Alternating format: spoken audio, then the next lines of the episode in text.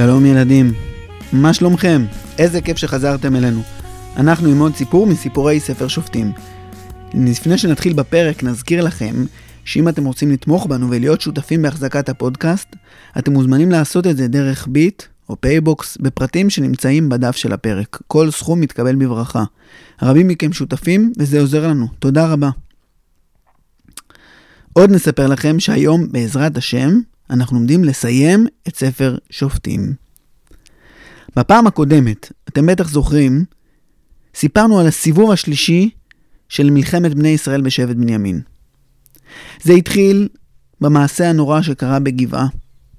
כאשר אף אחד מאנשי גבעה לא רצה להכניס אליו הביתה את האיש הלוי ואת הפילגש שלו.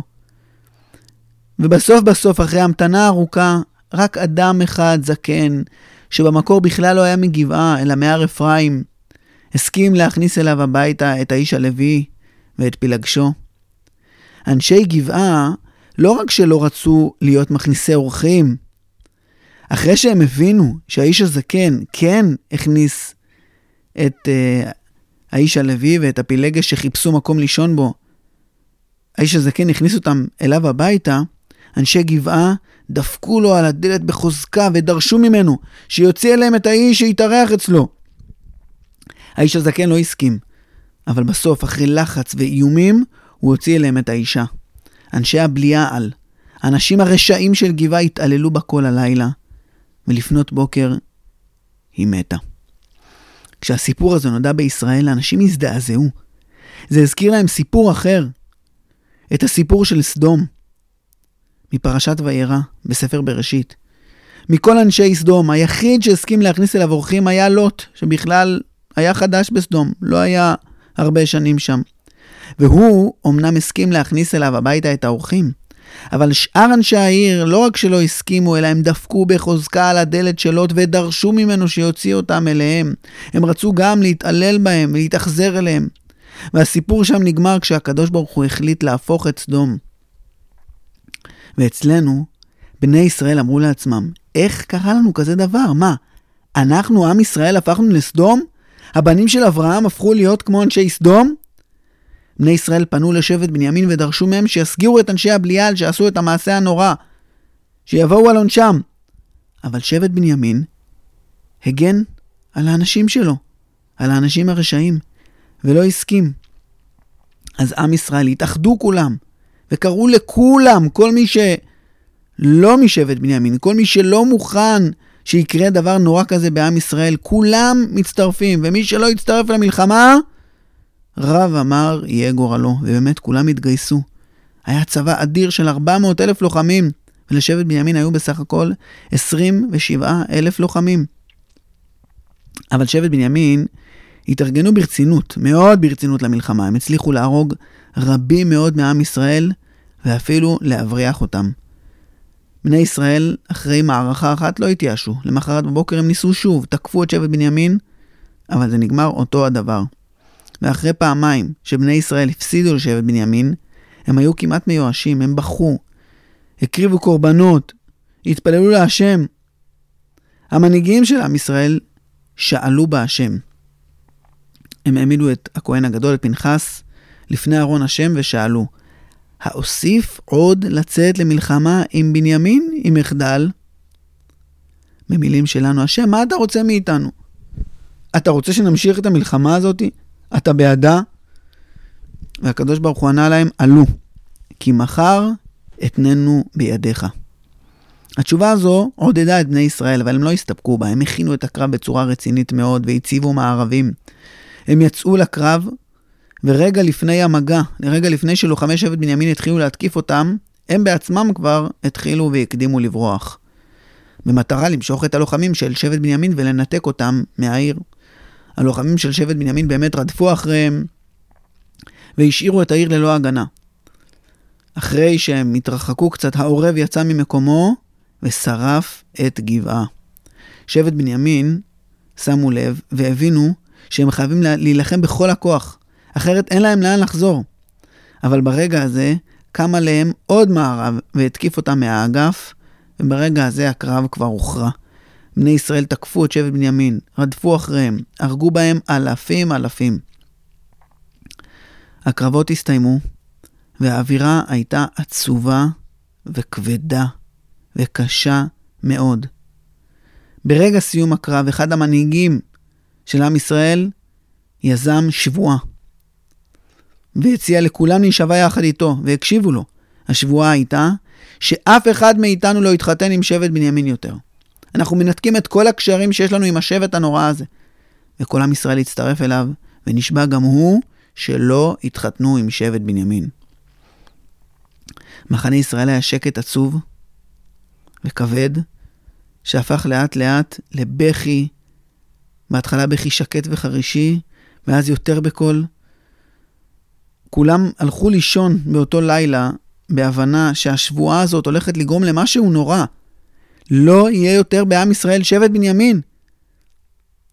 כמעט ולא נשארו גברים בשבט הזה, ואם אף אחד לא יתחתן איתם, לא תהיה להם ברירה, הם יתחתנו עם הגויים מסביב, והם יצאו מעם ישראל, הם לא יהיו יותר חלק מעם ישראל. מאותו יום ואילך הולכים להיות, חלילה, חלילה, רק 11 שבטים בעם ישראל, לא יהיה יותר שבט בנימין. איזה דבר נורא זה. איך אפשר לקבל את הדבר הזה? בכי גדול ירד על מחנה ישראל בלילה הזה, בכי כואב מאוד, צער גדול של כולם על המצב הנורא, על ההידרדרות המוסרית, על המעשה הנורא שקרה לפילגש, על ההתעללות, על המלחמה. אמנם ניצחנו, אבל הפסדנו שבט מהעם שלנו, מה יהיה?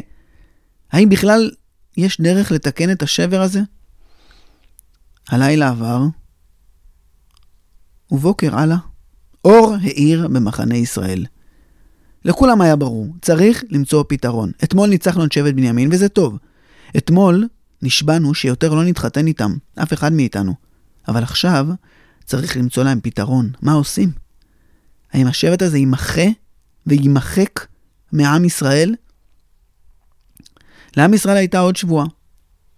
השבועה הייתה שכולם, כל בני ישראל, כל מי שלא משבט בנימין חייב להילחם למלחמה, להצטרף למלחמה הזאת ולהתייצב בה. כולם צריכים להיות שותפים בתיקון המצב הנורא שקרה בעם ישראל עם שבט בנימין. כולם צריכים לעזור. בבוקר שאחרי המלחמה עשו מפקד. המפקדים של מחנה ישראל, 400 אלף הלוחמים, ביקשו מהם להסתדר לפי משפחות ולפי יישובים. והם עברו ובדקו יישוב יישוב מי הלוחמים שהגיעו. המפקדים על כל, עברו על כל היחידות, פעם אחת ופעם שנייה, ושמו לב שיישוב אחד, עיר אחת מעם ישראל, חסרה. אז ביקשו מהכרוז לקרוא בקול רם, שכולם ישמעו. הקשיבו, הקשיבו. איפה בדיוק נמצאים הלוחמים מיבש גלעד? יבש גלעד הייתה עיר בעבר הירדן המזרחי. ישבו בה משפחות משבט מנשה. אם אתם זוכרים, שבט מנשה התחלק לשני חלקים בנחלות שלו בארץ ישראל. חצי ישבו במה שאנחנו קוראים ארץ ישראל, ארץ כנען, בעבר הירדן המערבי, וחצי משבט מנשה הצטרף לשבט לראובן וגד, שישבו בעבר הירדן המזרחי, איפה שהיום נמצאת מדינת ירדן. הכרוז קרא בקול ושאל, איפה אנשי יבש גלעד?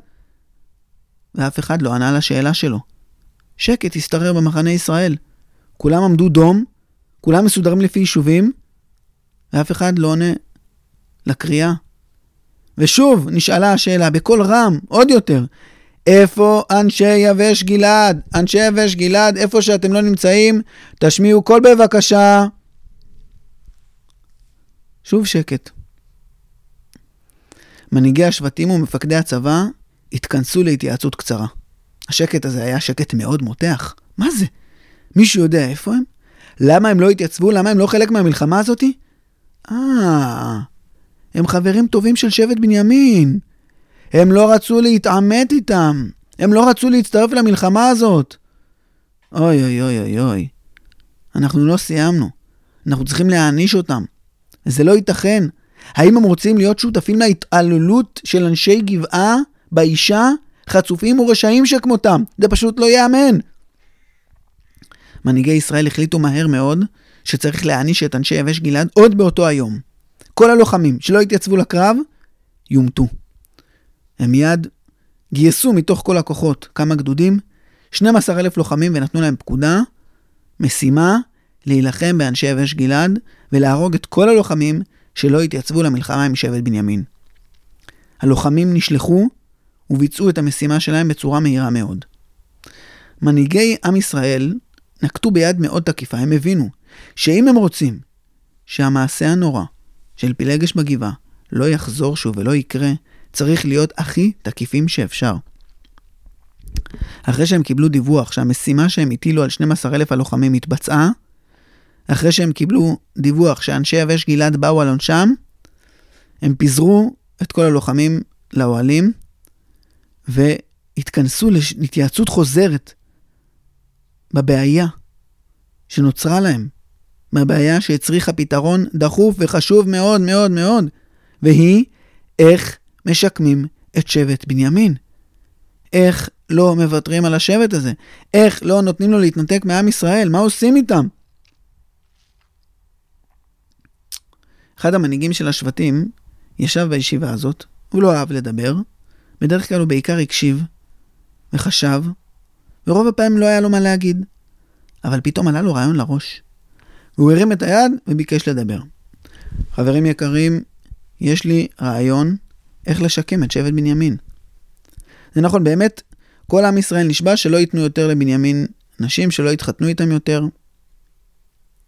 אבל אם חושבים על זה, יש בעצם קבוצה אחת בעם ישראל שלא הצטרפה לשבועה הזאת. מה? מי לא נשבעו איתנו? תגידו, מה, אתם לא שמתם לב? לא קלטתם? אנשי יבש גלעד. אה, נכון שהענשנו אותם באופן קשה ביותר, ונכון שהרגנו את הלוחמים שלהם, אבל יש להם גם נשים, וחלקן נשים לא נשואות, נציע להם להתחתן עם אנשי שבט בנימין, הם גם חברים טובים של שבט בנימין, לא סתם הם לא התייצבו למלחמה. טוב, צריך לברר כמה נשים לא נשואות יש שם, צריך לברר איך מתחברים חזרה לאנשי שבט בנימין, ולבדוק את כל הדברים האלה. חסר פה מישהו שיכול לעזור לנו בדבר הזה. מהר מאוד קראו למפקד המודיעין של הצבא של בני ישראל וביקשו ממנו את המידע. קודם כל, תברר לנו כמה נשים לא נשואות יש ביבש גלעד. והוא באמת בירר ובדק ומצא שיש 400 נשים לא נשואות. מצוין, 400 נשים זאת התחלה טובה. עכשיו, מגיע החלק הקשה יותר, וזה ליצור קשר עם שבט בנימין. צריך, המנהיגים של בני ישראל והמפקדים של הצבא ביקשו ממפקד המודיעין לדעת איפה נמצאים לוחמים או אנשים משבט בנימין. נשארו להם בכלל גברים? כמה גברים? איפה הם? איך יוצרים איתם קשר? והתשובה של מפקד המודיעין הייתה שכן, יש חבורה של לוחמים, הוא לא יודע בדיוק כמה, שנמצאים במקום שנקרא סלע רימון. אנחנו לא תקפנו אותם, אבל אנחנו בקשר עין מרחוק עם המחבוא שלהם, כדי שלא יתקפו אותנו מהמחבוא שלהם ולא יברחו משם.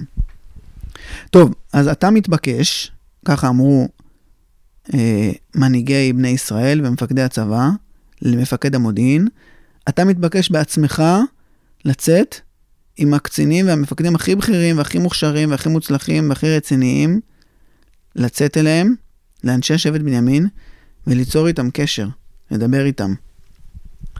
זו משימה מאוד מאוד רגישה, שחלילה לא יתפתח שם עוד פעם קרב, שלא יחשבו שאנחנו רוצים להרוג אותם, שלא, שלא יימחו, שלא יימחה שבט מישראל. המפקד המודיעין יצא מהישיבה, לקח איתו אה, בערך עשרה קצינים ומפקדים שהוא סמך עליהם, שהם היו אנשים חכמים וזהירים, אבל חזקים, והם הלכו לכיוון סלע רימון. לפני שהם התקרבו, הם אמרו בקול גדול, הנה אנחנו מניחים את כלי הנשק שלנו בערימה ואנחנו בלי נשק. הם הרימו את הידיים שלהם גבוה והלכו בטור מסודר, שבראשו מפקד המודיעין, טור מסודר שמתקרב לכיוון המחבואים שנמצאים באזור סלע רימון. ואז הם צעקו, שבט בנימין, שבט בנימין פנינו לשלום, שבט בנימין פנינו לשלום. הם חיכו דקה ושתיים, ואז הם פתאום שמו לב שכמה אנשים משבט בנימין באמת מתקרבים אליהם. הם מתקרבים בהססנות, כשהם חצי מוחבאים, במין זחילה כזאת, חצי זחילה כזאת, ואז מפקד המודיעין והלוחמים שבא איתו שוב צעקו, בואו נתקרב אחד לשני בעדינות ובזהירות, אנחנו בלי נשק ואנחנו רוצים רק לדבר איתכם. שני הצעדים הלכו והתקרבו אחד לשני עד שהיו יחסית ממש ממש קרובים. שלום לכם, אנשי שבט בנימין. אנחנו רוצים לעזור לכם להשתקם. אתם מוכנים לשתף איתנו פעולה? לעזור לנו? אתם? שהרגתם אותנו? שנלחמתם בנו כמו האויבים הכי גרועים? מפקד המודיעין בלע את הרוק, הוא רצה לכעוס, הוא רצה לצעוק, אבל הוא ענה בשקט ובקור רוח. תגידו, מה, אתם מאשימים אותנו? אתם לא מבינים למה עשינו את זה? לא נתתם לנו ברירה, לא עשינו את זה בשמחה בכלל. תאמינו לנו שאנחנו לא רוצים להרוג אתכם, אנחנו רוצים לעזור לכם להשתקם ולהיבנות מחדש. תדעו לכם שעם ישראל נשבע שבועה, שאף אחד יותר לא יתחתן איתכם. אף אישה ישראלית לא תסכים להתחתן איתכם. נו, אנשי שבט בנימין ענו להם. אז קראתם, קראתם אותנו מעם ישראל, החלטתם לזרוק אותנו מעם ישראל ולהוציא אותנו החוצה. אין לנו שום דרך להתחתן עם נשים ישראליות, אנחנו צריכים להתחתן עם נשים גויות. אתם רשעים מרושעים. שהוא מפקד המודיעין הבין שהוא צריך לענות בסבלנות ובקור רוח, להגיד את האמת, אבל לא לכעוס. מה, אתם לא מבינים אותנו? אתם עשיתם מעשה נורא. אני לא רוצה לדבר על זה ולא רוצה לפתוח את זה עכשיו.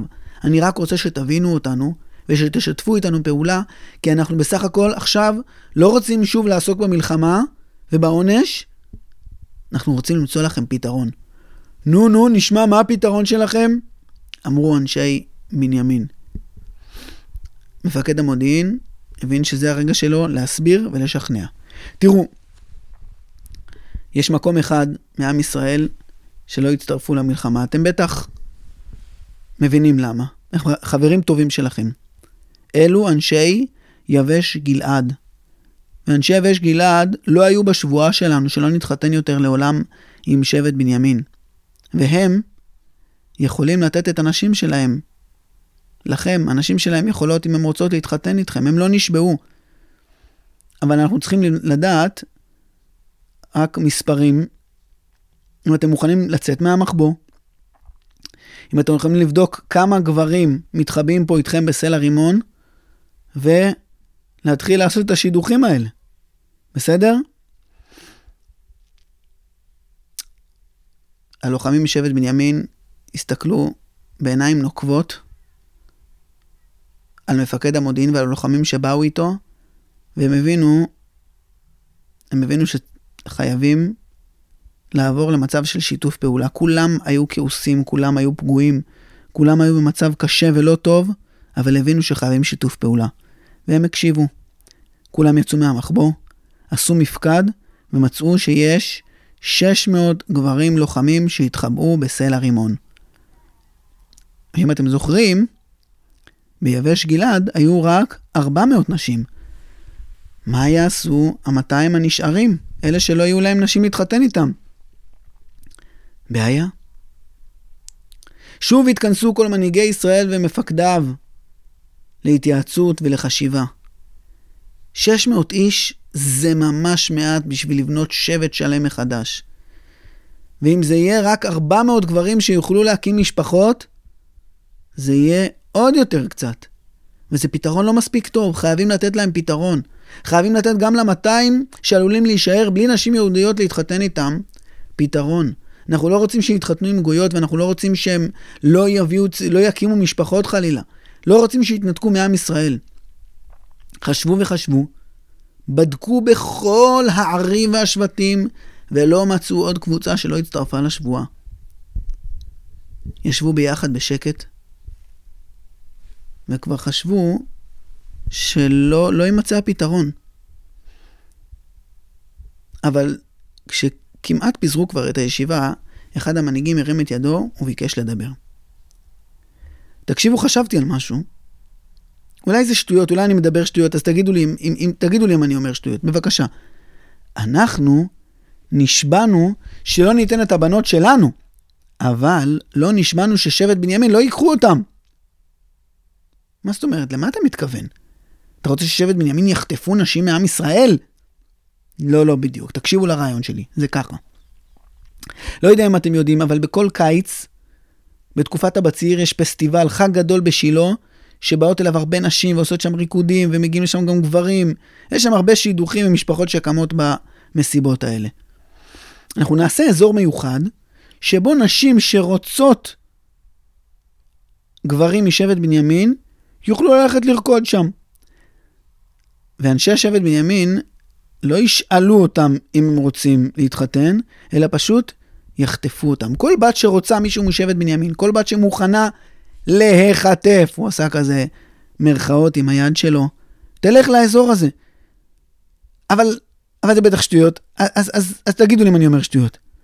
וואו, זה רעיון, לא הייתי אומר מצוין, אבל במצב שנוצר, שבו שבט שלם עלול להימחות מעם ישראל, זה רעיון שאפשר לקיים אותו. כך היה. עם ישראל כולו התפזר איש לביתו. שבט בנימין גם הם חזרו לבתיהם. התחילו לבנות מחדש את הערים השרופות. הקימו מחדש משפחות עם אנשי יבש גלעד. ועם נשים שהסכימו להיחטף בכרמי שילה, בפסטיבל ובחג של הבציר. ולאט לאט שבט בנימין הלך ונבנה מחדש. הסיפור הזה של פילגש בגבעה מסתיים כאן. והוא מסכם את כל תקופת השופטים, את התקופה הקשה הזאת, שבה כל שבט כמעט דאג רק לעצמו. כל שבט נלחם על חייו, אף שבט לא עזר לשבט אחר. כל שבט הקים את השופטים שלו. ורק פעם אחת בכל התקופה הזאת, עם ישראל כולו התגייס והתייצב ביחד. והייתה זו הפעם שבה הם נלחמו אחד בשני מלחמת אחים, אחרי המעשה הנורא שקרה בגבעה. בימים ההם אין מלך בישראל, איש הישר בעיניו יעשה. אבל בספר הבא בתנ"ך, בספר שמואל, קרה מהפך מדהים. קם לעם ישראל מלך. מהשבט המבוזה והקטן ביותר, משבט בנימין, שבט שהושפל וכמעט נכחד בסיפור שלנו בסוף ספר שופטים. והמלך הזה, שאול, דאג דווקא לקבוצה שהייתה כמעט מנותקת מעם ישראל. דאג לאנשי יבש גלעד. אף אחד מעם ישראל לא רצה לעזור להם כשמלך בני עמון בא להילחם בהם. אבל שאול הצליח לגייס את כל עם ישראל ביחד לעזור לאנשי יבש גלעד. ספר שמואל, הספר הבא בתנ"ך אחרי ספר שופטים, מספר על לידת שמואל, מספר איך הוא שפט את ישראל, מספר על שאול, המלך הראשון של עם ישראל משבט בנימין, הוא מספר על דוד, המלך השני של עם ישראל. אנחנו לא נמשיך עם ספר שמואל. יש פודקאסט יפה מאוד, מתוק מדבש. הפודקאסט נקרא ככה, זה השם שלו, מתוק מדבש, והוא מספר את סיפורו של ספר שמואל. אתם מוזמנים להאזין לו. אנחנו בינתיים נעשה דילוג על ספר שמואל, ונתחיל בעזרת השם בקרוב ממש את ספר מלכים. למרות הסיום הקשה והעצוב, כיף ממש לסיים איתכם את ספר שופטים. אני ממש מקווה שאנחנו, עם ישראל, נלמד מהסיפורים של ספר שופטים, ולא נגיע חס וחלילה למצב שהיה אז. תודה רבה רבה לכם שהאזנתם לנו, שתמכתם, ששיתפתם, שנתתם עצות ורעיונות, שפרגנתם. אנחנו ניפגש בעזרת השם בפעם הבאה של סיפורי תנ"ך לילדים, והפעם עם סיפורי ספר מלכים. להתראות, ותודה רבה שהאזנתם לנו.